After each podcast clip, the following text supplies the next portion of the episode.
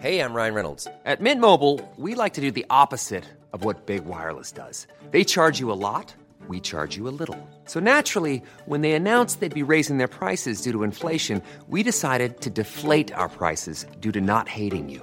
That's right. We're cutting the price of Mint Unlimited from $30 a month to just $15 a month. Give it a try at mintmobile.com slash switch. $45 upfront for three months plus taxes and fees. Promo rate for new customers for limited time. Unlimited more than 40 gigabytes per month. Slows. Full terms at mintmobile.com.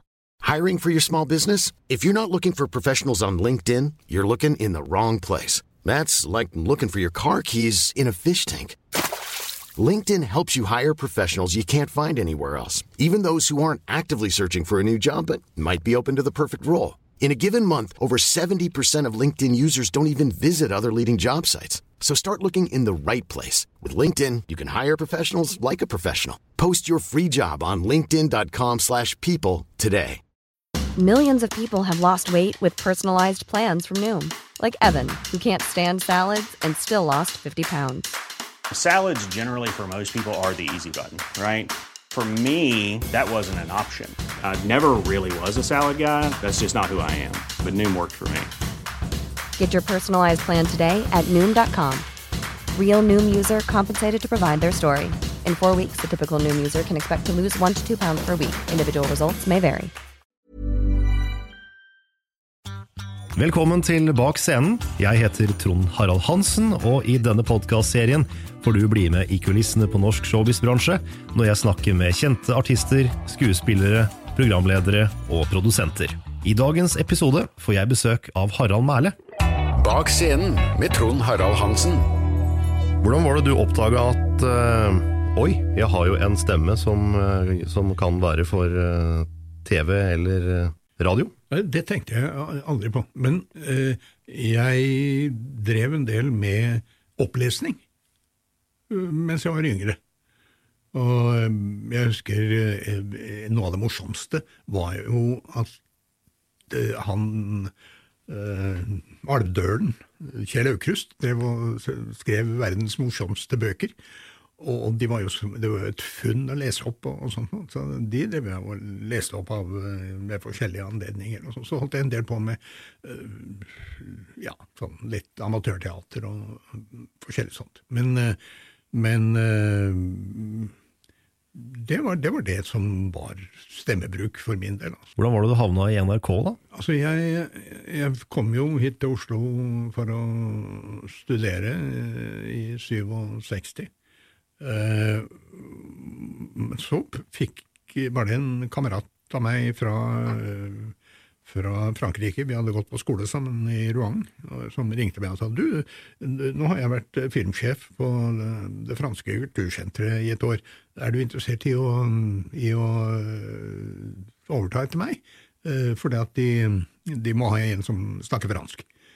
Og jeg sa ja, det, det, det kan være interessant. Og så ble jeg der i seks år.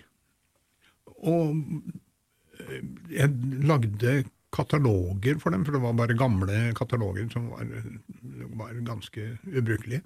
Så dermed så gikk jeg gjennom alle de ja, 1000-1200-1300 filmene eh, som det etter hvert ble.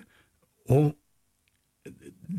dermed så ble billedmediet på en måte noe jeg satt med foran øynene hver eneste dag. For jeg måtte jo liksom inn i filmene, finne ut hva de handla om, eh, se litt på eh, hvem som hadde lagd dem, eh, hvem de var for, osv. Sant? Og, og etter de seks årene så ble det mindre og mindre Blindern.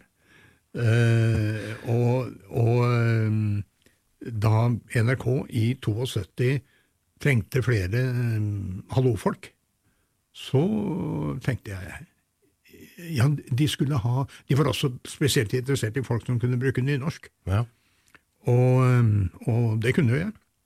Og da, da øh, søkte jeg, var på prøver og saker og ting, og ble antatt. Eh, jeg jobba fremdeles i, på det franske kulturhuset et år, år til, da, frem til 73. For at, eh, jeg var jo bare hallomann.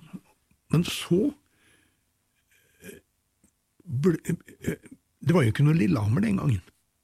Så NRK hadde sin egen undervisningsavdeling, og jeg var med på, tror jeg i hvert fall, det siste av de kursene som de hadde for å bli TV-produsent.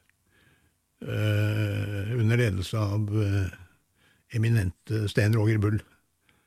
Og, og jeg husker at Ada Haug øh, var i det, den øh, gruppa mi, og, og han Steinar Medjås, han økonomimedarbeideren, han, vi var på samme Det siste kullet, liksom, da, av, av TV-produsenter. Det er det jeg er. Det, jeg er egentlig TV-produsent. Men etter det så ble det mer og mer lyd.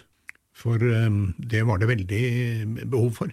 Um, for det at mye som, det var så mye som skulle dubbes, og jeg begynte å jobbe uh, både for uh, barne- og ungdomsavdelingen og for skolefjernsynet. Og, um, og så balla det jo på seg, da, etter hvert. Ja, blant annet mellom 86 og 94 så gikk det jo en serie som het eh, Magnus. Magnus, ja. Den var uh, mulig at vi holdt på helt til 94, men uh, det meste av den lå i, på 80-tallet. Man skal huske at, at um, uh, den store, store barneserien på 90-tallet, Sesam stasjon, den gikk jo fra ca. 90 til 99. Og det var ikke så veldig stor overlapp mellom de to. Det gikk liksom fra det ene til det andre. Ja. Så, um, så, og der holdt jeg på med de små tegnefilmbitene mm. imellom live-episodene, da. Så det var Så for meg, i mitt hode, så er uh, 80-tallet er Magnus-tiden, sammen med forviklinger. Og 90-tallet er Sesam og sånn, når det gjelder NRK. Men eh, det var jo 80-tallet var jo spesielt på en annen måte, nemlig da kom VHS-en og Movieboxen dermed, ikke sant. Noen eh, fant jo ut at den teknikken var jo veldig grei eh, når det gjaldt å lage en sånn boks som folk kunne leie og ta med hjem. Nå kan alle få video. Yes, og da ble det plutselig skrikende mangel på innhold. Så mm, det, det, ble, det ble lagd en mengde serier. Og der, eh, der ble jeg dratt inn eh, via en, eh, en dansk studiomann som het Sven Kristiansen. Han tok kontakt med meg og lurte på om jeg var interessert i å bli med å lage eventyrbånd. Så det er vel, kan du si, folks første møte som barn, i hvert fall med min stemme, det er eventyrbåndene. De røde De kassettene. røde kassettene, ja. Ja, den lille boka. Og øh, plirring, når du hører denne lyden, så er det bare å bla om til neste side. Og den øh, ville jeg Jeg lagde en øh, ja, 60, tror jeg, av de fra 79. Begynte i 79. øh, og fremover. Og Anders Hatlo husker jeg lagde mange etter det igjen, og jeg vet ikke hvor mange som ble lagd i alt. øh, det der. Det var jo kjempepopulært. Nei da, for der tror, trakk vi jo med mange som øh, som vi ønska å, å, å høre stemmen, stemmen til. Der var det en hadde med Oddbjørn eksempel, eh, operasangeren. Det var jo noe nytt å trekke med operasangere. Og, men jeg trengte en dyp stemme, og, og sånn. Og det var jo årsaken til at når vi da lagde Løvenes konge i, på 90-tallet, så visste jeg om Oddbjørn, og trakk han med som Mofasa. Ikke sant? Men, eh, men tilbake til 80-tallet. En annen ting som var viktig, var at internasjonalt i USA så startet Disney opp med Disney Channel i 1983. Da har de holdt på med fjernsyn siden 50-tallet. Ja, ikke sant? Så de er jo Eh, lysår foran det, var, vi er. Det var, noe, det var et, et program som eh, Walt Disney lagde eh, for ABC, var det vel? Jeg tror det var ABC, en av de store, store stasjonene. Og, og så oppdaga jo de det samme som, eh, som eh, NRK Super naturligvis oppdaga mange år senere, nemlig at fanken, vi må jo lage ti timer med program hver eneste dag, syv dager i uka, 365 dager i året. Det er mye program! Og, og dermed så satte de jo i gang med, med Vuslene, med Bompibjørnene, med Ole Doldoffen på eventyr, eller Ducktails som den het, med Darkwing Duck, med Det var jo en umasse med serier som da i USA ble lagd for å gå på Disney Channel. Men det var jo ikke noen Disney Channel, eh, kan du si, i hvert fall ikke her i Nord-Europa. Slik at her ble det gitt ut eh, da som videoer. Og det falt jo da sammen nettopp med VHS-en og Movieboxen, slik at det var, det var en, en voldsom produksjon. Jeg har vært tilbake i noen gamle, i noen gamle eh, kalendere og faktisk funnet ut at på de verste tidspunktene da hadde vi i mellomtiden flytta inn i uh, lokaler i eh, St. Olavs gate, de gamle lokalene til Roger Arnoff. Men det er en annen sak som vi kan komme tilbake til senere. Men der var det fem studioer som vi da kunne kjøre eh, samtidig. ikke sant? Og vi, vi kverna altså ut, oppi det verste, 40 episoder i uka. Det er jo helt vilt. Det er jo helt vilt. Naturligvis er det helt vilt. Men da var det, lagde vi dem egentlig på en annen måte. I begynnelsen så var det jo, eh, var det jo kjempegøy å lage det, for da satt vi jo tre, fire, fem stykker rundt et bord. Og, og det ble jo lett uh, morsomt og mer komisk enn uh, det, det egentlig skulle bli. Uh, og, sånn, og, da, og så var liksom da uh, Parolen var at det skal ikke være mer enn fem skuespillere med. Er det mye damer, så tar vi med en dame. Uh, er det en gammel dame og en yngre dame, så ålreit, så tar vi to damer. For det, det, er ikke til å stikke under en stol at i filmbransjen så er det stor overvekt av mannsroller. Ja, det er jo det. Og det, og det gjelder også eh, Selv om Disney har vært flinke de senere årene til å, til å Og det var de jo i og for seg relativt tidlig, å bruke, bruke For Walt selv, han så at, at eh, det ligger et seerpotensial i naturligvis å bruke en, en uh, jente, en tenåring, en barn, uh, som, som hovedrolleinnehaver. Det ligger et seerpotensial som man ikke må se bort fra. Slik at uh, det er jo jenter i hovedroller med jevne mellomrom hele tida, og når vi da kommer ut på 90-tallet, det store, store musical-tiåret, så er det jo jentehovedroller eh, i veldig mange av dem. Absolutt. Men, eh, men 80-tallet, eh, det var VHS-ens og videotiden par excellence. Kolossalt, altså. Men når dere produserte 40 episoder hver uke, hvor lange arbeidsdager hadde dere da? Fra 16 og oppover. Fra 16 og oppover, ja. det,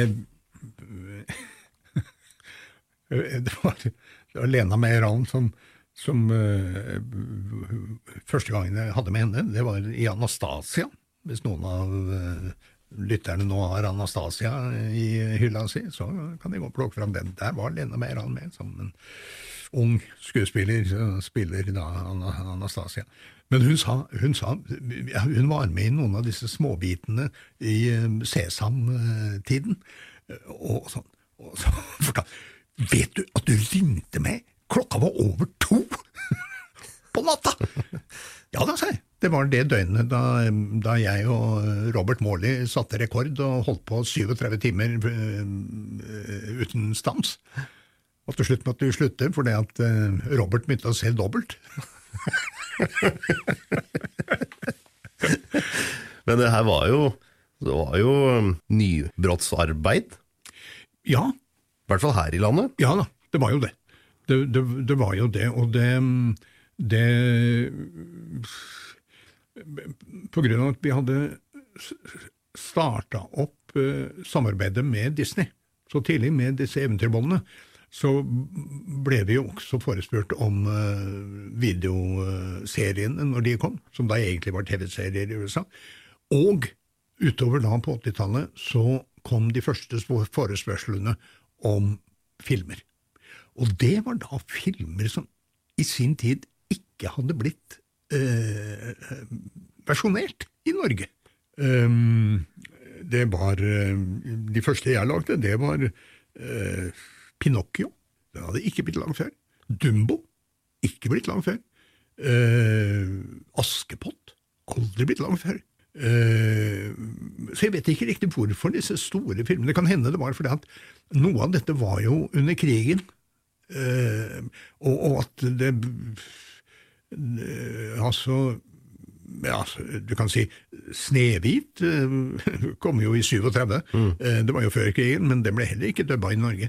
Nei, jeg leste et eller annet sted om at hvis de skulle gjøre det, så kom det til å koste 40 000. Og det Den gangen, ja. ja og det, og det var man, mye penger. Det var mye penger da, og man måtte gjøre det i København. Ja. Yes. Jeg tenker meg, det var fint. Det skal jeg skrive meg bak øret. Ja, kan du skrive opp. Ja, det blir stekempel. Men så når, når, når Pinocchio kommer av, sånn, så er jo krigstilstanden allerede inntrådt, og det samme gjelder jo gjelder jo uh, i og for seg de andre også. Men, men uh, Ja, for eksempel, det, jeg lagde noe Det er noe taleinnslag i det første Fantasia-filmen også. De var heller ikke lagd den gangen, for den ble jo også under krigen, til, eller like før krigen. Så uh, det, det startet det med da på 80-tallet. Det er mulig jeg lagde Jeg lagde noen lengre ting i, i NRK også, men det var jo mer bare vanlige TV-produksjoner. Altså. Hadde film Ikke bare sikta inn på film, altså. Kinofilm. Um, men uh, jeg lagde én film husker Jeg tror den aller første filmen jeg lagde, det var i 87. Det var Valhall. Valhall-filmen var et kjempeprosjekt, egentlig. Kjørt i gang av noen danske entusiaster og ildsjeler, som leide en nedlagt sånn industribygning på Amager, samla sammen 400 av de beste tegnerne i Europa. Og lot dem jobbe der i De må jo sikkert ha holdt på et par år i hvert fall. Det normale for Disney i gamle dager var jo at det kunne ta oppimot tre år å lage en film før den var ferdig. Men, og, og, og den ble jo da dubba her oppe. Den dubba vi på, i Rainbob studio hos Jan Erik Kongshaug. I Folkets hus på Grünerløkka. Og det var en morsom, morsom greie. For, morsom for oss, naturligvis, for vi kjente jo serien her oppe. Petter Madsens serie. Uh, og, og vi, vi, vi, var jo kjent med innholdet, ikke sant? Så vi nordmenn har jo en følelse av at uh, jaha, akkurat ja, er det om nordisk mytologi, det er jo vår greie. Absolutt. så, så det, var, det, var, morsomt å lage den. Og så lagde jeg en film også for uh, ja, hvem var det som hadde den? Det husker jeg ikke, men eh, Tom og Jerry setter byen på ende, eller setter byen på hodet, eller, ende, eller et eller annet sånt. noe. Eh, det var også en 80-tallsgreie. Og så eh, kan du si, kan vi gjøre oss ferdig med 80-tallet. På 90-tallet så eh, gikk det mot slutten for eh, for lydavdelingen til norsk film. For frem til da så hadde de store Walt Disney-filmene, som da hadde kommet sånn andre hvert tredje hvert år, de var lagd på de nasjonale filmsentrene rundt omkring. Oh, ja. Slik at um, I Danmark var det lagd på dansk film, i Norge på norsk film, og i Sverige på det der store anlegget der Bergman holdt på med sine filmer og satt Jeg husker ikke lenger hva det heter. Som ligger nord for Stockholm. Og og det, det var da de, de to ildsjelene, han Solum og Solbakken var jo de som instruerte da filmer når de kom. De, jo, de instruerte jo vanlige filmer, ikke sant? Uh, og, og så, men, men, de tok seg da av, av uh, tegnefilmene når de kom. Og de jobba etter den gamle måten. Lage filmsløyfer, der filmsløyfa da gikk, rulla bare slik at du kunne si det du skulle si om igjen og om igjen og om igjen, til, til eh, regissøren sa 'den er fin, den er bra, den, den beholder vi'. Den beholder vi.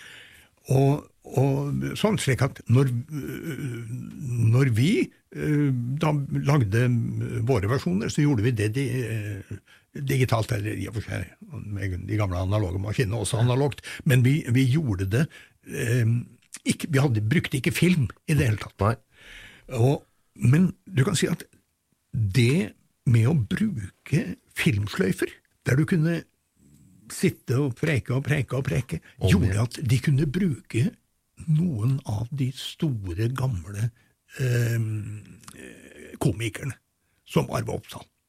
For de gamle komikerne de har et helt eget forhold til rytme. Punch-ordet må komme etter en sånn liten dragning som de da helst vil legge inn. ikke sant? Da, Ikke sant? Så, så, så kommer punsjen til slutt. Det er bare det at når du dubber film, så kan du ikke det! Du er, du er solgt til den rytmen som uh, en eller annen uh, engelsk, amerikansk, fransk, tysk komiker har lagt for deg! Og det stemmer ikke alltid. Og det gjør at, at det, det, den gamle garden av komikere som sto på Chat Noir og Edderkoppen og hvor det måtte være, og sånt, de var ikke de selvfølgelige valgene Nei. når vi skulle eh, gjøre filmer. Fordi at, fordi at det tok så lang tid. Det ble bra, ja, men det tok mye lengre tid. Det her var vel samlebåndsproduksjon òg? På, ja, et, på et vis? Ja da, det, det, det er klart. For at du kan ikke la det bli for langt. For det at eh, en, en dubbingproduksjon det gjør ikke noe om den koster litt mer enn den burde i store land som eh, Frankrike, Spania, eh, Tyskland, Italia. Nå nevnte jeg de, for det er det vi kaller i bransjen de fire store. De fire store de dubber alt. Hvorfor dubber de alt? Fordi at befolkningen er ikke god nok i engelsk, slik at alt er dubba. Uh, og du må lete med lys og lykte for å finne en originalversjon hvis du er i en by. Uh, de fins, ja, men fremdeles er det de dømma versjonene. De er gjemt ganske bra. Ja, de, de er og godt gjemt. Så, um, men, men det, er, det, er, en kjempeforskjell på et marked på fem millioner mennesker og 40, som er et gjennomsnitt i mange europeiske land. ikke sant? Polen, Spania etc. Mm. 60, som det er i Frankrike. 80 millioner, som det er i Tyskland. Og, og det gjør at, at, de er alltid sikre på å eh, tjene inn igjen det det kosta. Mens i, i Nord-Europa kan du si, det koster jo like mye å lage den. Og når du har gitt ut kanskje da en halv million på å lage en ordentlig bra produksjon, med sanger kanskje og forskjellig sånt, så skal en del mennesker gå på kino før det begynner å gå i pluss. Gå noe inn igjen, ja. Pluss, ja. ja. Hvordan er den prosessen i studio, da, fra du får, eh, fra du får filmen eh, via oversettelse til at produktet er, eh, er ferdig? Jeg har jo alltid holdt på med oversettelser. Jeg drev mye med i NRK da jeg på 70-tallet, og sånt, og så drev jeg mye med kommentarer som jeg oversatte og leste. Både for skolefjernsyn og andre. Slik at det med rytme, det å lage tekstblokker som er omtrent samme lengde som uh, den dokumentarleseren du skal lese mot, det lå allerede der. Det visste jeg allerede om.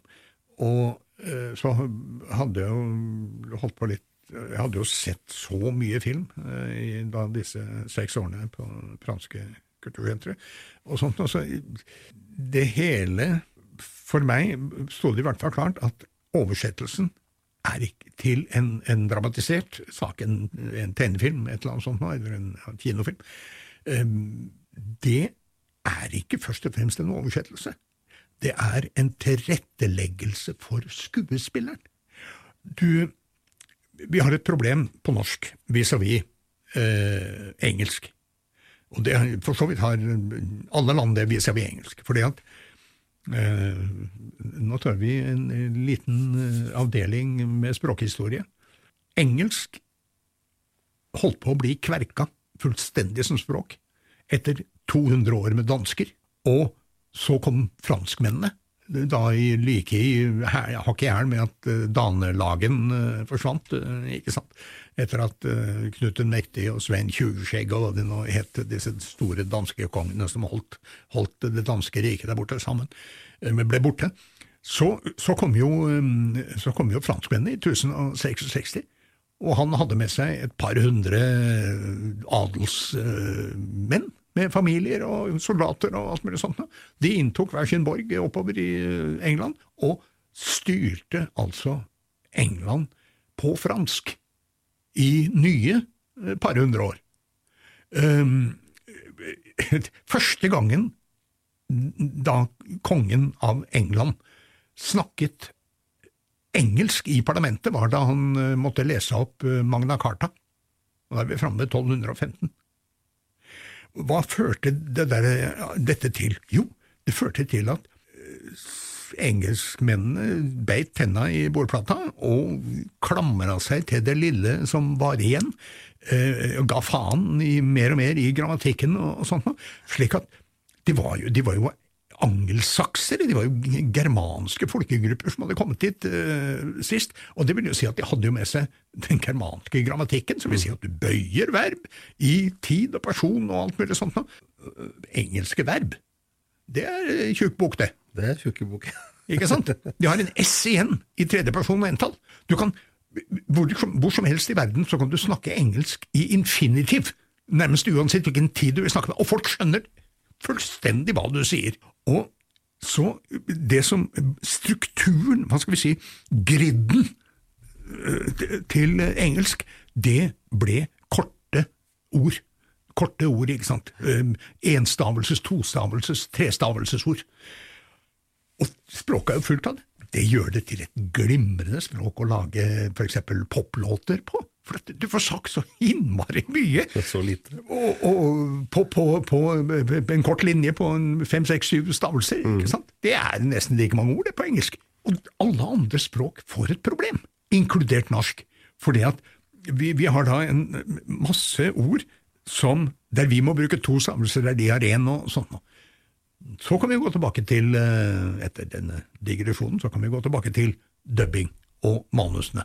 Det fører til at jo mer du ser på deg selv som oversetter, jo større problemer gir du regissøren og skuespillerne i studio. For som oversetter så tenker du å ja, jeg må jo oversette det ordet også. Nei, det må du ikke. Fordi at tar du med det ordet også, så blir det oppi én og to og tre og fire stavelser for mye for hver eneste setning. Og så må de sitte og luke i, i, i studio. Den lukinga skal være gjort på forhånd. Den skal være gjort på forhånd. Og eh, en annen sak som gir skuespilleren større eh, trygghet, det er at du ikke skifter altfor mye om på ordene, for det er tross alt en mimikk hos eh, figuren som står og sier ting. Og hvis den, det faller en tåre et eller annet sted, eller, eller en sperrer opp øynene, da bør helst det ordet eh, som får han til å gjøre, gi uttrykk for en følelse, det må ligge i nærheten et eller annet sted. Og det synder en god del eh, oversettere mot. Slik at når du, når du, når du sitter der, så Jeg pleier å si at det er sånn split brain-jobbing, eh, der du lytter på eh, den engelske originalen med den venstre hjernehalvdelen, som er den analytiske, ikke sant? merker seg tidene, alt mulig sånt og, og rytmen, og så bruker du den høyre til å kreere, til å skape en norsk setning ut fra det bevegelsesmønsteret som den høyre hjernehalvdelen da kan se på, eh, på skjermen. Og det tar lang tid å lære. Det tar lang tid å lære. Men, men det er Hvis skuespilleren det, det, det oppdaga jeg jo mens vi da holdt på eh, Jeg brukte jo sikkert altfor mye, alt for mye tid på å lage manus til eh, serier som ikke har vært det i over for. Men jeg oppdaga jo det med skuespillerne, at hvis de kom godt i gang, og eh, fikk fot på rytmen, og skjønte at de kunne stole på den, så kunne de peise inn tre, fire, fem, seks linjer etter hverandre uten at vi å, trengte å, å, stoppe eller noen ting. Det, det, er morsomt. Det er jo gøy. Hvordan er, hvordan er opphavsmennene her? Krever de å se Disney er, det veldig, er, veldig, på, og det er for så vidt mange av de andre også. Det, er, det, det varierer litt, men Disney vil gjerne at uh, utenlandske produkter skal uh, ha the Disney sound og, og, the Disney feel.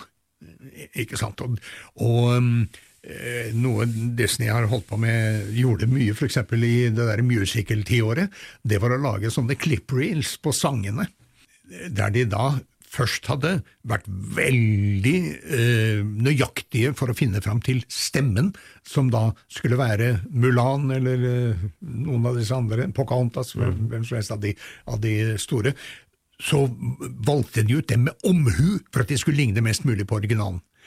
Og når de da lagde klipperils, så Det er sånn ripsbusk å si det. Eh, når de lagde klipperils, så tok de én linje fra hvert språk. Ja, ja, ja.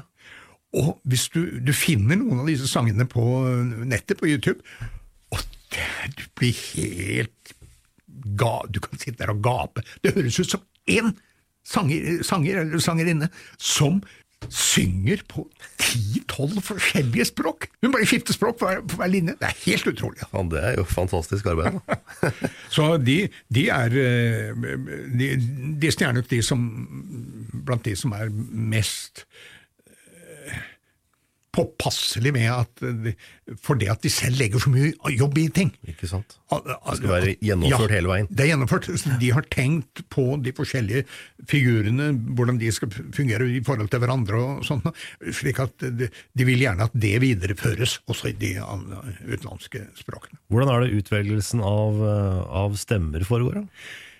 Vi får jo av, på grunn av det jeg har sagt tidligere, nemlig at man må opp i en viss mengde kinoåret for at uh, man skal få igjen for uh, dubben, så prøver man å, å hva skal vi si, få andre folk inn i, inn i kinoen ved å kanskje bruke folk som ikke direkte uh, man forbinder med skuespilleri eller et eller annet sånt.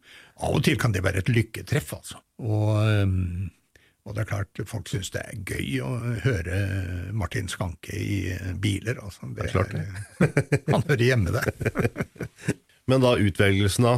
Må du da sende alle stemmene til USA ja, for ja. godkjennelse? Det må vi. Det det, I hvert fall hvis det er de store, store filmene. Noe blir avgjort hos Disney i København og sånt noe noen av de andre oppdragsgiverne har, har koordinatorer, eh, internasjonale koordinatorer som sitter med mange forskjellige språk. Og de avgjør da De er gjerne produsenter selv, og de har god erfaring med sånt. Og så er det ved tvilstilfelle, så tar de da opp eh, det vis-à-vis vis -vis, eh, den opprinnelige produsenten. Ja. Men jeg husker jo eh, Jeg lagde Innen 95 så lagde jeg 'Prinsen av Egypt'. Det var Jeffrey Katzenbergs eh, første film etter at han forlot Disney. Og eh, Jeffrey Katzenberg han var en skikkelig kontrollfrik, så han i mange år så gikk alle stemmeprøver til alle de 30, 32, 34 landene som da skulle lage dem, over hans skrivebord. I mange år. Og det må ha tatt mye tid. altså. Det må jo ha tatt veldig mye tid, ja. Selv om, selv om jeg husker han som drev Disney Character Voices, altså vil si utenlandsversjonene for Disney, holdt til da i, i Los Angeles, i Burbank. Han het Blake Todd, og han eh, pleide alltid å, pleide alltid å si at If I um, haven't made up my mind in 20 seconds, I go to the next. Det er bra, bra poeng. Han var, eh, han var Jeg la om stemmen sånn for at han, han var tidligere skuespiller. Og hadde alltid en sånn nobel eh, fremføring. Men han var jo en Han, var jo en, han kunne si um, You know, Harold, I think you should do it more like this. Try to um, uh, take him um, um, from the backside. Så, så kunne han lage alle de stemmene som, uh, som da var i, ja, i den filmen. Han, han hadde kolossalt uh, variert eh, organ, Ja. for å si det sånn.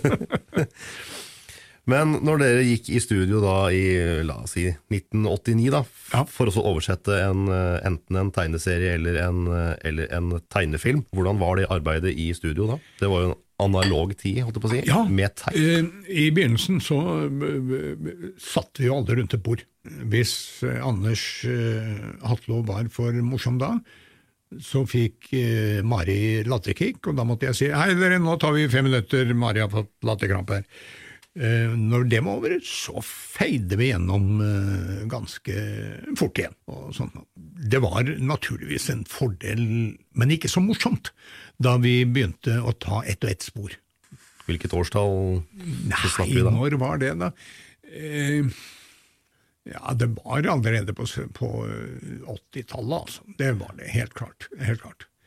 Det var på 80-tallet. Jeg husker vi lagde jo vi lagde jo mye av disse TV-seriene også, i Fleifsborgs-teknikk. Men, men det hang igjen litt i NRK, husker jeg.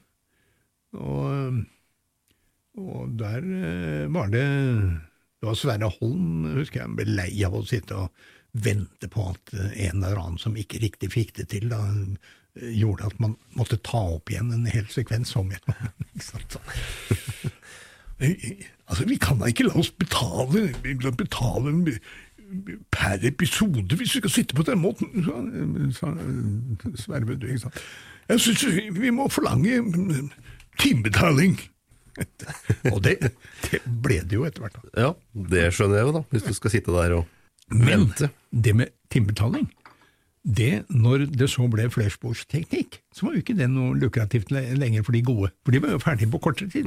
Så øh, det ligger en, en, et uløst lite problem i øh, det der, og det gjør at vi prøver å unngå å kalle inn i studio, eller å velge ut de som vi ser vil bruke lang tid. For det blir så urettferdig, altså. Det blir så urettferdig at de skal uh, bruke dobbelt så lang tid på en tredjedel av, uh, tekst, ja, av teksten. Så um, det er, det er eh, For tilbake til utvelgelsen.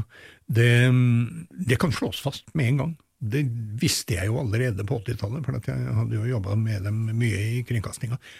At når det gjelder dubbeskuespillere, har vi i Norge ingenting å øh, hva skal vi si, skamme oss over vis-à-vis øh, veldig mange andre land.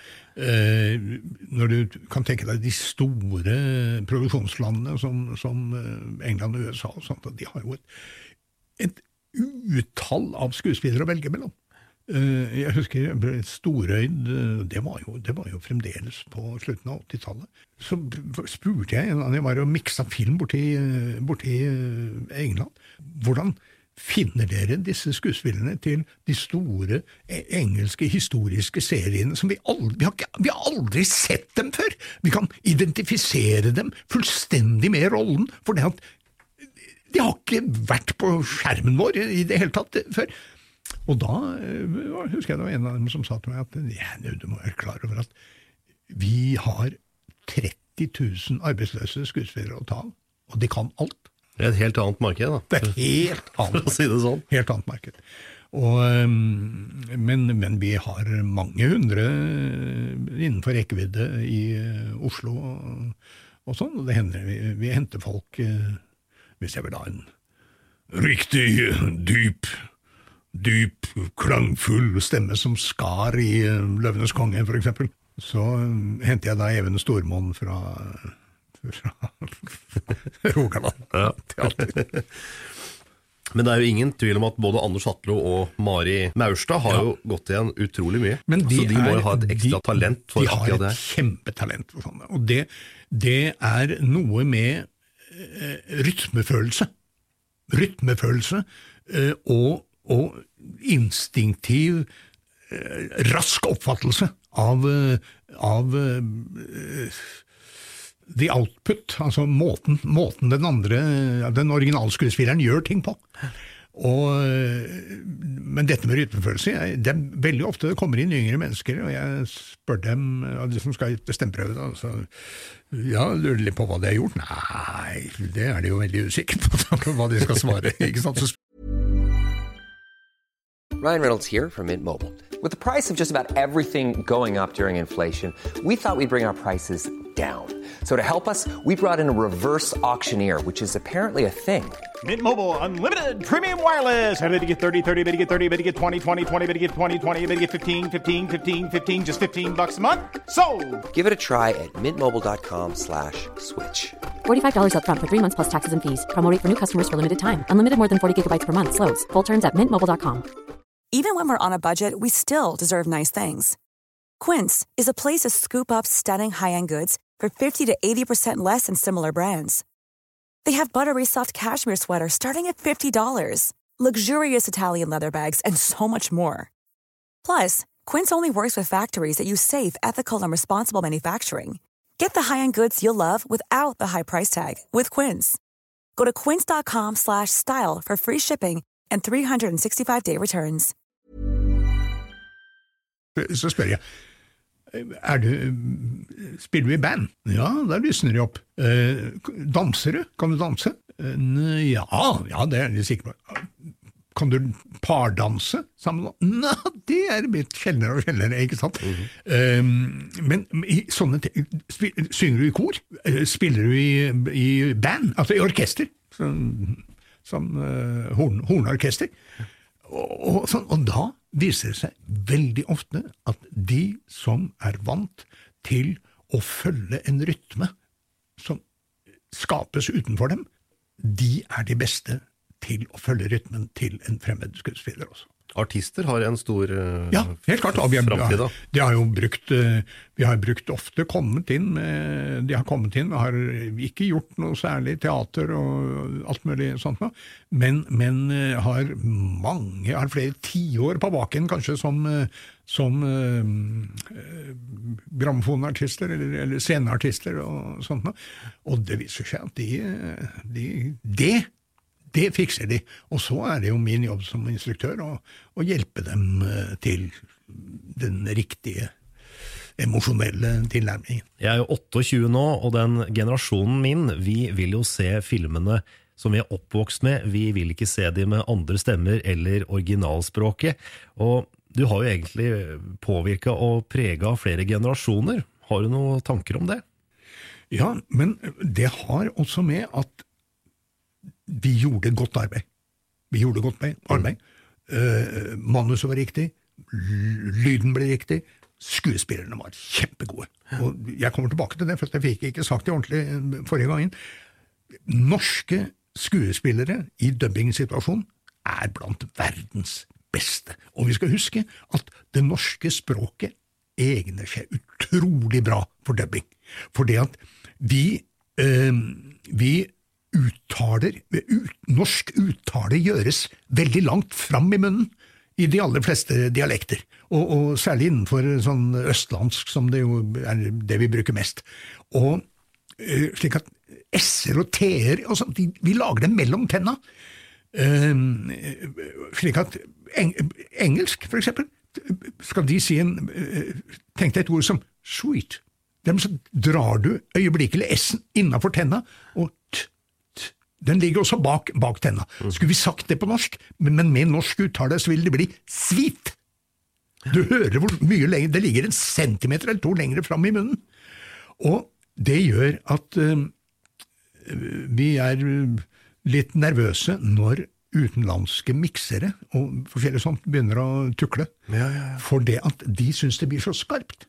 Mens hvis ikke vi får skarpe nok s-er på norsk, så høres det ut som f. Det er akkurat det. Ikke sant? Så, slik at forskjellen på sy sa-en og fy faen blir viska ut. Det blir, det blir akkurat det samme. Så øh, jeg, jeg jobber veldig ofte uten sånn øh, spyttfanger. Bare for å ikke miste den aller øverste diskanten. Du kan si at nå, i en alder av noen og 70 år, så øh, med synkende evne til å oppfatte den øverste diskanten, så er jeg blitt enda mer oppmerksom på det. Ja, det vet du. Du blir Og, mer um, oppmerksom på det da. Ja, det, det er fryktelig viktig. For det var jo på 90-tallet, det også. Da kom det et nytt, lite digitalt apparat inn i studioene, husker jeg, i NRK. Det var en DS-er. Hvorfor skulle man ha DS-er? Jo, for å få ned den skarpe Den kom fra utlandet, kom fra utlandet, ikke sant? Å, tenkte NRK, nå skal det bli enda bedre lyd. Og kjøpte inn en bråta med, med de der DS-ene, og plasserte dem rundt omkring. Jeg tror at i de studioene som jeg da brukte, som var sånne leselydstudioer, de var borte i løpet av et halvt år. Ja, såpass, ja. Så det er mulig at man har beholdt dem i eh, diverse andre studioer. og sånt. Men man skal huske det, at, at når film mikses for kino, så øh, legger man inn øh, da, de sporene man har, og så kutter man 10% i bassen og 10% i diskanten. Før man, før man begynner å mikse, kan du si. Altså, skjønner du? Er, og de kuttene gjør at du må ikke finne på å være for lav i diskanten Nei. med norsk eh, materiale som skal uh, ut på kino, for da blir det slapt. Da blir det rundt, bløtt, mykt, sånn uh, mullete. Og, og da, da det, det, For det gir et, det gir et helt annen Det det gir en annen, en dauere norsk, som minner mer om dansk. Ikke sant, for danskene eh, uttaler De har jo helt annerledes mye mer, ja, uttaler, uttaler ordene mye mer inne i munnen enn vi gjør. Men vil det da si at man mikser eh, to forskjellige utgaver? En for kino og en for video? Nei, det man, Når man lager eh, Det er egentlig For video så er, så er det eh, kinomiksen. Men eh, skrella av litt surround og forskjellig sånt noe, og kjørt inn på to spor. Slik at man har, eh, man har ikke 5-1 eller 7.1 lyd, eh, man har, eh, man har eh, stereo, stereolyd. Og det må man, eh, det må man eh, huske på. Unge mennesker, selv unge mennesker, er så fornøyd med å være først ute med å se ting. Og de ser det gjerne på en liten telefon, for den saks skyld, ikke sant? Eller et, et brett, eller et eller annet sånt noe. Strømma fra en eller annen eh, tilbyder, strømmetilbyder. Men skal huske på at det aller meste av sånne produksjoner, selv om det er store filmer, kommer i stereo. Det kommer i stereo. Og når du har Jeg husker, jeg husker vi lagde Hva var det, da? Det var Pocahontas. Så øh, kom jeg til Danmark, og det ble miksa i Danmark. Og da var det flere ganger at jeg måtte, vi måtte sette opp en mikk, det at det var ting i surrounden som vi ikke hadde hørt da jeg lagde manuset. Det var sjøfolk som øh, som øh, gaula ting, øh, ikke sant, øh, hiv, ankre, whatever, etc., etc. Og, og for å fylle ut av bildet i, i Søranden, skape mer, mer stemning, så, så måtte jeg legge på de med, lage litt forskjellige, forskjellige stemmer og sånn. Og for, slik at man må huske det, altså at, at er det filmer man der, Er det filmer der dialogen er det viktigste? Greit. Den kan du vente til du kan se den hjemme, enten blir strømma eller den er på Blu-ray eller et eller annet sånt.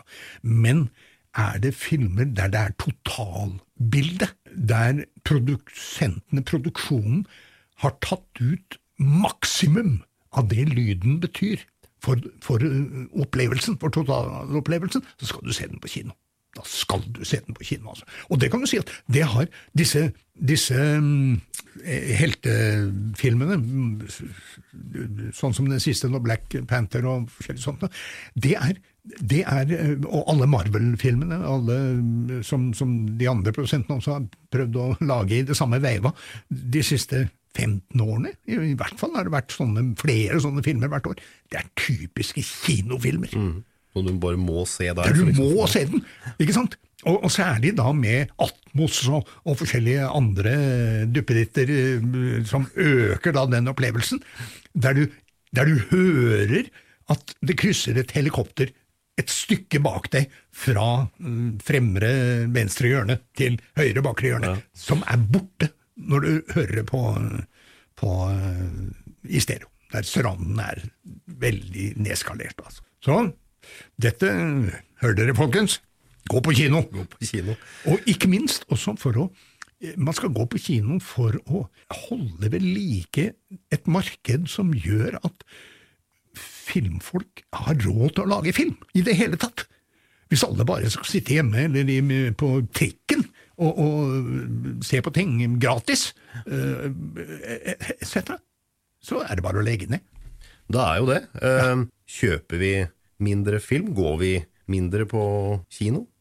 Merker dere noe der? Eh, Ja da, det har vært en periode, men altså, jeg, mener, jeg mener bestemt at det har tatt seg opp, men at det har blitt ganske stor forskjell på eh, de filmene som tar av. Eh, og da skal man legge merke til at eh, det er eh, ikke samsvar mellom hva anmelderne sier, og Nei, hva publikum tenker. For to år siden var det, vel, så lagde jeg Minions, og den fikk jo bare toere. Eh, alle anmelderne syntes det var noe møl. Og den solgte da 457 000. Var tredje mest sette film etter Bølgen og en til. Med Bølgen og Kongens nei, eller annet sånt. Og det, det var jo, vi, vi visste jo at, at hvis eh, Jungeltelegrafen begynner å gå, så er dette så morsomt at folk vil gå og se det. Og når flere eh, anmeldere ikke, sant, ikke klarer å få med seg at Hege Skøyen har et lykkelig øyeblikk som Elisabeth den andre, og, og virkelig tar, tar den helt ut, for å si det sånn, så har de ikke fulgt med på, på, Nei, de har ikke det. på filmen. De har ikke fulgt med. De har, eh, det har vært et problem eh, når vi nå først er inne på dette med, med anmeldere og sånt. Eh, Det har vært et problem når det gjelder Disney-filmer i mange tiår, for det at mange blir mer opptatt av sitt eget forhold til Disney og sitt eget sine egne forventninger, som da egentlig er tufta på hva de selv opplevde i barndommen. Det kan bli feil utgangspunkt. Et veldig feil utgangspunkt. Når, når det publikum egentlig vil ha, er Ja, men kan jeg få høre noe om denne filmen? Eh, Se bort fra alt annet. Er denne filmen morsom? Vil det være en artig halvannen time på kino? Og det er det ikke alle anmelderne som gir eh, leserne svar på. Hvor lang produksjonstid har du på oversettelsen? da? Fra, fra start Vi til er, filmen skal være vi ferdig? er sist på i produksjonslinja. Det vil si at alle forsinkelser samles opp hos oss.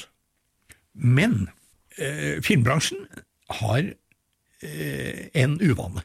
Hvordan starter de planlegginga? Jo, med releasedatoen.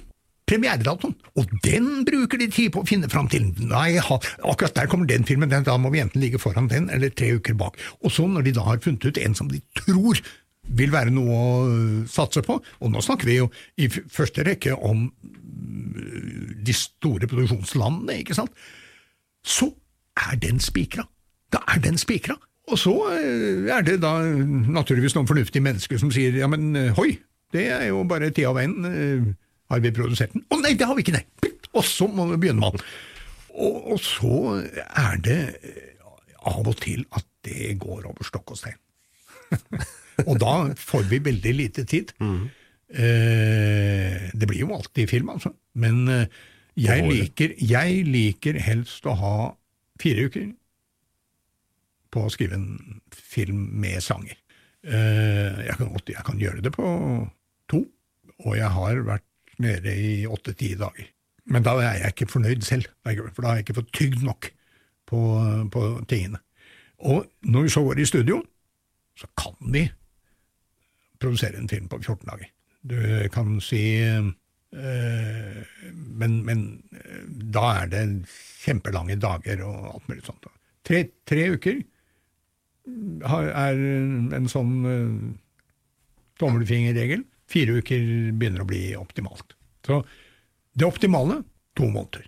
Da blir det Ja, Særlig hvis du tar, tar med stemmeprøvene også, da, så blir det jo i hvert fall snakk om eh, to måneder. Men det har hendt at vi har vært innenfor en måned med alt. Jeg husker det at dette her var jo tilgjengelig på video kun i en begrensa periode. Hvorfor, eh, hvorfor var det sånn? Det er helt riktig. Eh, Det var noe Disney selv eh, begynte med. For Disney, eh, Walt Disney har, han var hele tiden opptatt av at en film eh, får jo hele tiden eh, et publikum som vokser opp. fordi at de aller fleste av, av eh, tegnefilmene til Disney er tidløse. Enten de nå handler om et eventyr, eller det er, eh, det er andre, andre uh, kilder, så er de egentlig i, i sin grunnmål ti- tidløse.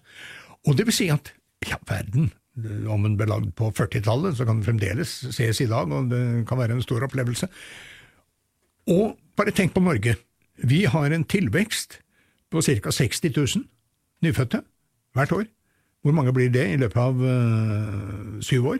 Det blir, øh, Det blir en 420 000. God, god mengde, det. altså. Det blir en god mengde, skjønner du? Og, og, og slik at det, det har da vært Tanken bak dette er at, at eh, Jeg vet ikke hvorfor det akkurat er syv år, men du kan si at ved syvårsalderen begynner man, har man klassisk sett begynt på skolen. Selv om enkelte land jo har begynt eh, året før, så har det vært normalen.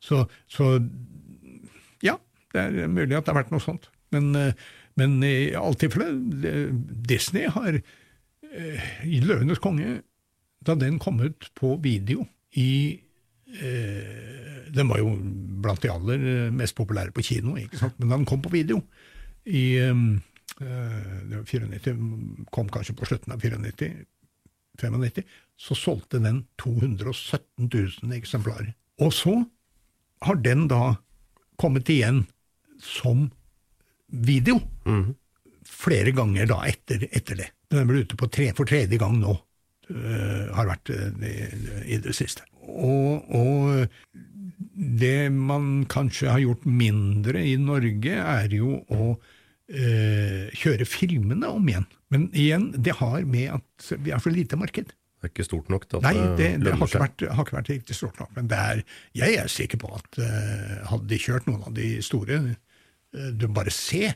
på hvordan folk har strømmet uh, til kinoene, også i Norge, på disse live action-utgavene av de eh, store tegnefilmsuksessene.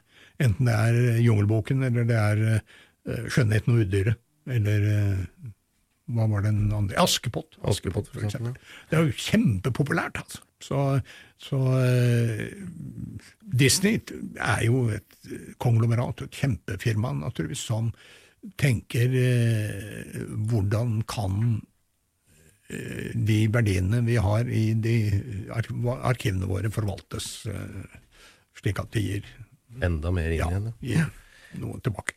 Pixar de kom jo med Toy Story i 95. Da så vi jo liksom eh, barnefilm eh, med animasjon. Eh, det, det, var en, det var en opplevelse, skal jeg si det. De, de kom da i 95, samt, samme året som eh, Dreamworks starta opp. Eh, de var egentlig eh, en, en eh, et lite lykketreff med at eh,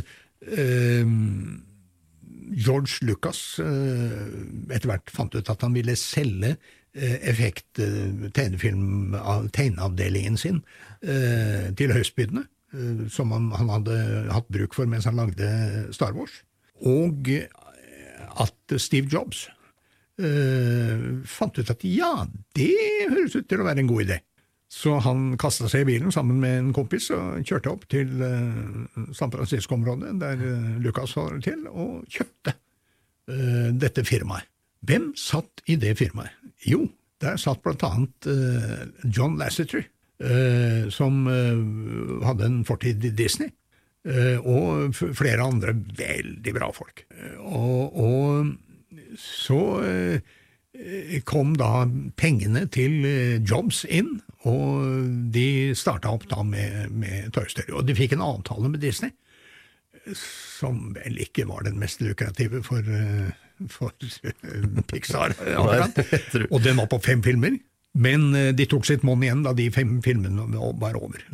Og så kan du si at eh, de fikk jo desto mer igjen da, eh, da eh, Disney kjøpte opp Pixar og gjorde opp i aksjer, og Steve Jobs plutselig satt med 7,5% av Disney. Og var den langt største eieren, så lenge han levde. Ja. Så, så lenge han levde. Uh, nestemann neste i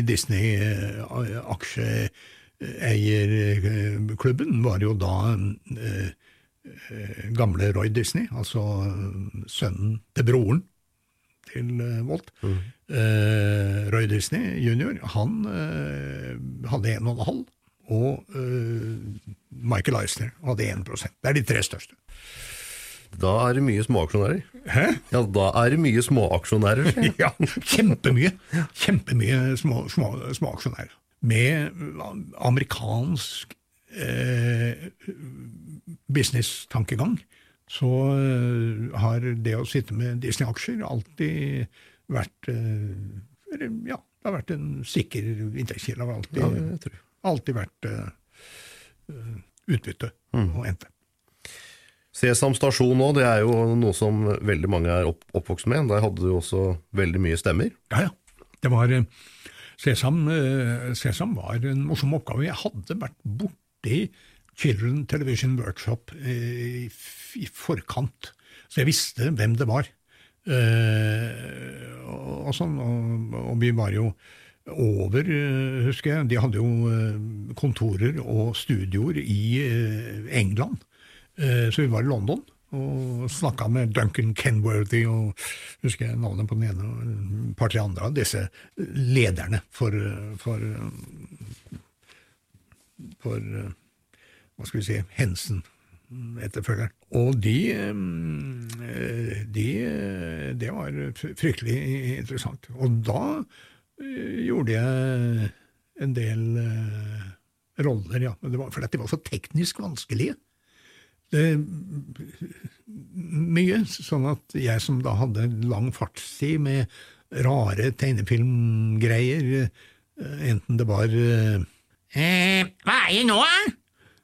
som da er snurresprett, eller for, forskjellige andre. ikke sant? Jeg hadde eh, kanskje innafor rekkevidde da, mer av disse stemmene, men noen av dem var fryktelig vanskelige. Altså. En av de verste husker jeg var eh, Jeg får den ikke til. Eh, Kermit.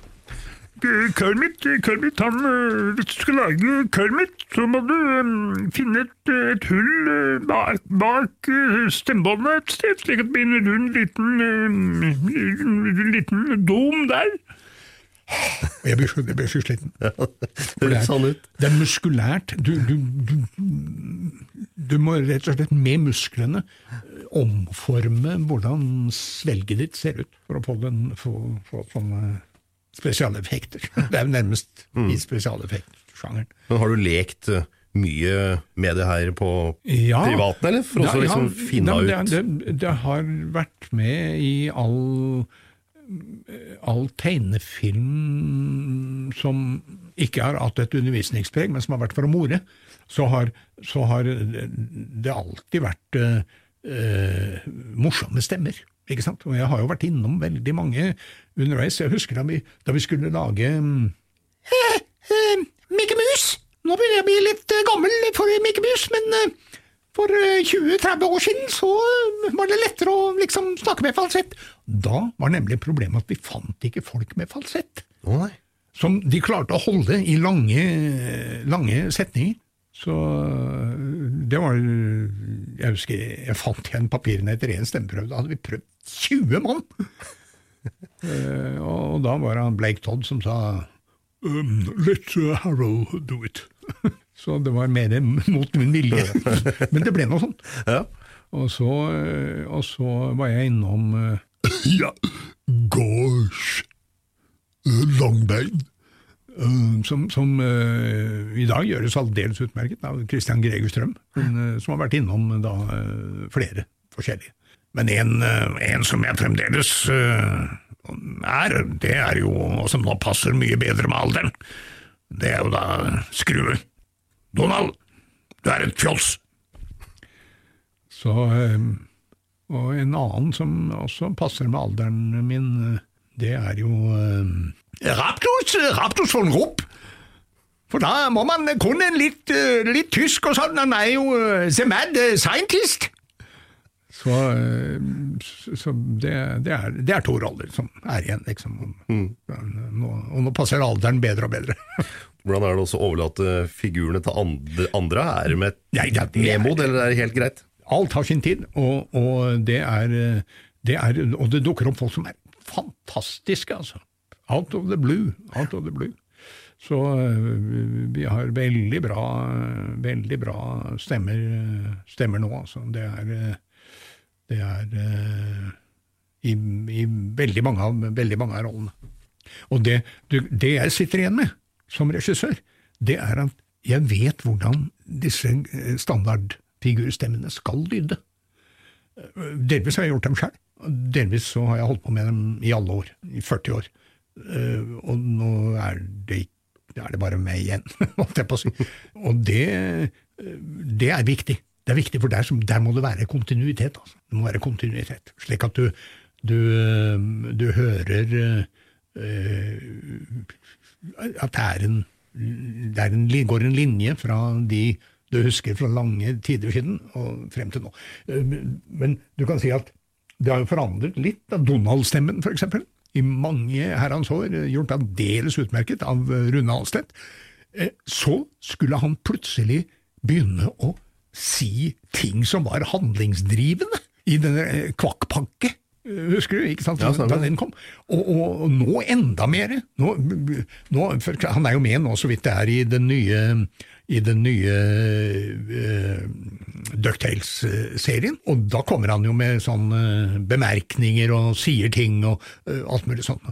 Så Rune han gjorde da stemmen på en måte som gjorde at det hørtes veldig Donald ut, men det var vanskeligere å få Skjønne hva han sa? ja, og få formulert, og få brukt leppene til å formulere, formulere ordene. For han gjorde, han gjorde dem litt lenger inn i munnen. ikke sant? Så, men nå har vi en, en ung herre fra eh, Hamar, bare noen og tjue år, eh, som heter Ståle Damenek. Og, og han eh, skjønner du hva han sier? For Nå er det blitt nødvendig. slik at det, det, det hender at de legger om eh, sånn mikketypen. Mikke-typen, for eksempel. Mikke blir jo lagd av Walt Disney. Og han lagde Walt Disney sånn som jeg lager, eh, han lagde Mikke sånn som jeg lager Mikke, nemlig slik at du hører at det er et menneske som lager det. Mens så eh, var det muligens en imellom, men så var det en av de ansatte i Walt Disney-konsernet som ble liksom oppdaga, i hermetegn, eh, og som var kjempegod. Du kan ikke høre at han er et menneske. Det er liksom Han, han er tegnefilmskapt. tegnefilmskapt. og, og, Det er ganske unikt. Ja da, og han, og han og kona hans ble Minni. Å, sier du det? Like, like tegnefilmaktig, altså. Yes. Veldig, veldig bra. En veldig bra periode der, der, der de to spilte, spilte sammen. Så Mm. det, det forandrer seg sånn med tiden. Det utvikler seg jo.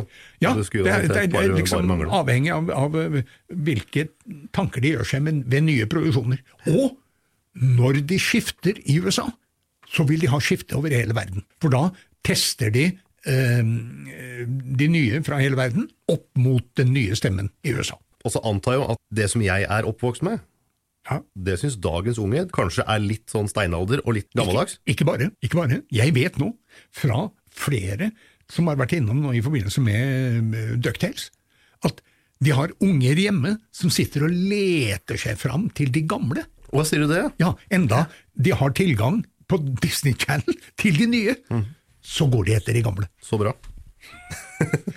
Og hvorfor? Eh, for det at de, den gamle serien, var jo bygd på Karl Barks historier. Ikke sant? De her eh, ekskursjonene rundt omkring eh, overalt i firkantland og eh, hvor som helst, ikke sant? Og, og, og det er jo historier som har gått flere ganger i Donald-bladene. De fleste har jo lest dem, og husker dem da naturligvis fra den første. Når alle de store Disney-filmene kom på video, var det noen slags uh, mottakelse fra originalprodusentene? Hadde de noe å si, eller uh, syntes du det var bra? Ja, veldig fornøyd, altså. Veldig fornøyd. Jeg, eh, da, vi, da vi gikk løs på, de, på disse store uh, musikalfilmene fra Løvenes konge og fremover, så fikk jeg hvert år sånn, et, et sånt uh, innramma uh, brev fra uh, Blake Todd, altså sjefen for Disney Character Voices, og Jeff Miller, som da var sjefen for eh, Disney Animation. Eh, sånn, med voldsomt skryt og takk eh, for eh, godt gjennomført, og, og så videre og så videre. Og jeg tenkte som så at, eh, at det gjør de jo sikkert til alle, og forskjellig sånt. Senere har jeg forstått at det var faktisk en fjær i hatten til oss som en av de tre, fire, fem beste. Det er utrolig hyggelig, da. Ja, kjempegøy, altså. Kjempegøy. Selv om jeg oppdaga det i ettertid, så var det kjempegøy. Og da vi lagde Tintin Har du fått sett Tintin? Har ikke sett det Ah. nye, men jeg så det Må som se Tintin! Ja, må se må Tintin. Du så serien, ikke Ja, ja, ja, sant? Ah, ja, ja, ja, kjempegøy å lage. Og det, jeg, jeg håper, når det gjelder Tintin, så må jeg si at Peter Jackson må jaggu meg få ut fingeren snart. Uh, han har mye å gjøre, han òg, men det har Spielberg, og han greide å lage den første, og, som ble veldig bra. Og nå må Spielberg komme, nei, han, eh, Peter Jackson komme. Men den filmen ble altså styrt alle utenlandsproduksjonene, 34 språk, av en, en uh, uh, argentinsk produsent som produsert mange land i verden. Hun satt i Paris og hadde alt. CV-prøvene, vurderingen av filmene, absolutt alt. Men hun, hun har 30 års erfaring, så hun visste hva hun gjorde. Hadde med seg mannen sin og en sekretær. Det var det hun gjorde, tok, tok helt fri. Og hun valgte altså den norske som den beste av alle 34 landene. Det var fra et fagmenneske, og det var en kjempefjær i hatten, altså, det må jeg si, til norske, det norske dubbingmiljøet og de norske skuespillere. Hvor stor eh, gjeng er dette her eh, miljøet? Nei, det, det sprer seg jo litt. Eh, Super er jo veldig flinke nå, for de vil jo ha med inn eh, forskjellige dialekter til, å, til å være med, hjelpe til å bygge opp uh, miljøer i tilknytning til regionteatret og forskjellig sånt, spredt over, over store deler av landet. slik at men du kan si at mye av filmene produseres fremdeles eh, bare i Oslo.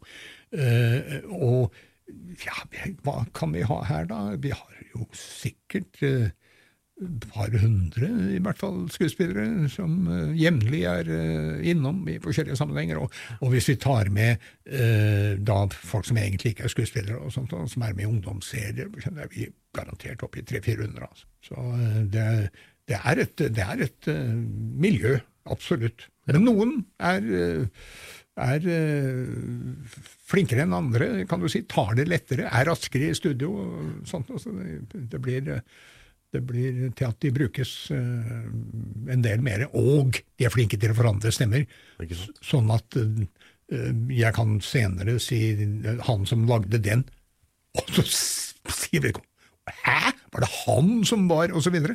Og det syns jeg vedkommende skuespiller skal ta som fjær i hatten. Det er mulig å lage stemmer som du, ikke, som du faktisk ikke kjenner igjen. Hvor mange studioer er det igjen, da? Er det Eh, noen Det, det, ble en, det har vært en, en utvikling som vi kanskje bør nevne. Det er at vi var eh, på 80-90-tallet, like etter at det stansa opp eh, borte på, på norsk film, som ble, så var vi ett, det studioet som jeg jobba mest med, pluss ett til som kom ganske fort. Så skjedde det at musikkstudioene på 90-tallet gikk nedenom og hjem, holdt jeg på å si. Altså, De fikk mye mindre å gjøre, for det at plutselig så kunne låtskriverne lage musikken på kjøkkenbordet hjemme. De trengte, de trengte eh, studio til kor og akustisk gitar. Ellers kunne alt gjøres med mekaniske, elektroniske duppeditter hjemme. Med, med, volu, med klanger og alt med det himmel og jord, altså. ikke sant? Og det gjorde at uh, musikkstudioene eh, vendte seg mot uh, andre sektorer og kom inn uh, i vår gate. Og, og det ble mye mer konkurranse, og dermed så ble jo prisene pressa og sånt. Neste store endring, det var eh, finanskrisen. Eh, Da bunnen ramla ut av reklamemarkedet. Plutselig så var 100-150 milliarder vekk på på årsbasis, kan du si. Og da var det flere av disse som til dels bare var en leseboks, som da prøvde å komme seg inn og få gjort ting som normalt hadde vært gjort av døpingstudioene. dubbingstudioene. Og igjen prispress. Slik at de timelønnene som jeg og sammen med Sven Kristiansen i Danmark bestemte på 80-tallet, de er de samme i dag, stort sett. Jeg leste jo at det var et opprør mot det her for noen år tilbake. Ja da, det, ja da det, det, har, det har vært det, men du kan si at, at uh, marked er marked. Er det ikke mer å hente, så er det ikke mer Nei, å er ikke, hente. det er helt riktig. Så enkelt er det jo. Så, sånn at, men, men, uh, men vi som har holdt på hele tiden, vi syns jo det er Det må i hvert fall ikke gå under det vi uh, da syns var eh, rimelig god betaling den gangen på Mm. 80-tallet. Men som naturligvis som ikke har flytta seg altså på 30-40 år. Harry Potter kom Ja. jo, og der hadde du også en Ja, eh, Harry Potter var, det en, si. det var en morsom oppgave. Jeg hadde jo lest, eh, lest Jeg begynte å lese bøkene før det ble aktuelt, sånn at eh, jeg var jo klar over hvor flink hun Rowlings var, og hvor flink han eh, Bugge Høverstad, den norske oversetteren, var til Mm. å gi det norsk ham.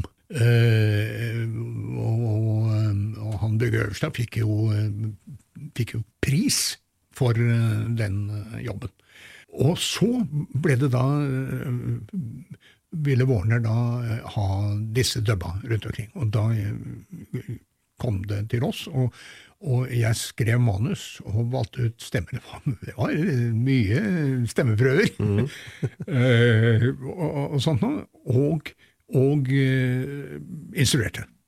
Og, og fryktelig morsomt å jobbe med, altså. Dessverre så ble det bare med de tre første filmene. For det at eh, det koster jo en halv million, og Warner i Norge syntes det ble for dyrt. Eh, når ungene som likevel hadde blitt elleve år. Det var jo egentlig et problem vis-à-vis bøkene og spillene, for det at de baserte seg jo på Bugge Øverstads oversettelse. Eh, og filmene da, fra og med den fjerde, der sitter du og leser den, hva som står i den norske oversettelsen på teksten, og så hører du den engelske originalen. Litt forvirrende. Ja. Det blir jo Men det er store. Jeg så, jeg så faktisk sammen med kona her, plukka fram en, en film jeg hadde kjøpt uh, på Blu-ray, eh, nemlig en av disse fortsettelsene, det skal jo komme fire til, Fabeldyr, og hvor man finner dem, eller noe sånt. Mhm. Og det var mye av den samme Men det var jo David Yates som hadde lagd den, altså, så det var, det var bra. Det var bra. Morsomt. Men sånne humor-punchline, stort sett alle barnefilmer har en eller annen kommentar Ja. som unga ikke skjønner, mens de store Oi. Du, det er i Det man skal huske på, alltid skal huske på, det er at i de store barneproduksjonslandene, enten det gjelder bøker eller filmer, eller sånt noe, så gjør de det ikke på nordisk vis. De tar ingen hensyn til at språklig til at de henvender seg til barn. For det at innstillingen i England, USA, Frankrike f.eks., det er at barna skal språklig strekke seg opp til det nivået som eh, filmen eller boka ligger på. Det er, ikke, det er ikke boka eller filmen som skal stoop down to the kids, slik som vi har lært av svensk barnepedagogikk ikke sant, her i Norge. Og som vi, vi, vi, er veldig opptatt av at det ikke må bli for vanskelig og alt mulig sånt. Mens der er holdningen en helt annen. I, i, de store produksjonslandene. Og det gjør at vi som da sitter og oversetter og skal prøve å få over dette, vi tenker sånn sånn Nei, her kan jeg ikke bry meg om ungene. Denne greia er ikke for unger på engelsk heller det er en vits som bare voksne kan oppfatte. Og da du, kan den enten brukes direkte, sånn som den er, fordi at eh, den er forståelig på alle språk, eller så må du finne på et eller annet fra norsk eh, kulturliv, mm. samfunnsliv, et eller annet sånt noe. For, og det har, det har, vært mye rart. Mm. Ja, det, og mye morsomt. Mye morsomt. Jeg sier takk for en veldig underholdende barndom. Jeg sier tusen takk for at du stilte opp her. Veldig hyggelig. Veldig hyggelig å komme hit. Det var min samtale med Harald Mæle. Jeg heter Trond Harald Hansen, og du har hørt podkasten Bak scenen. Podkasten som tar deg med på baksiden av norsk showbiz-bransje. Vi høres igjen om ikke lenge. Du finner flere episoder på iTunes, Spotify og andre steder du henter podkast.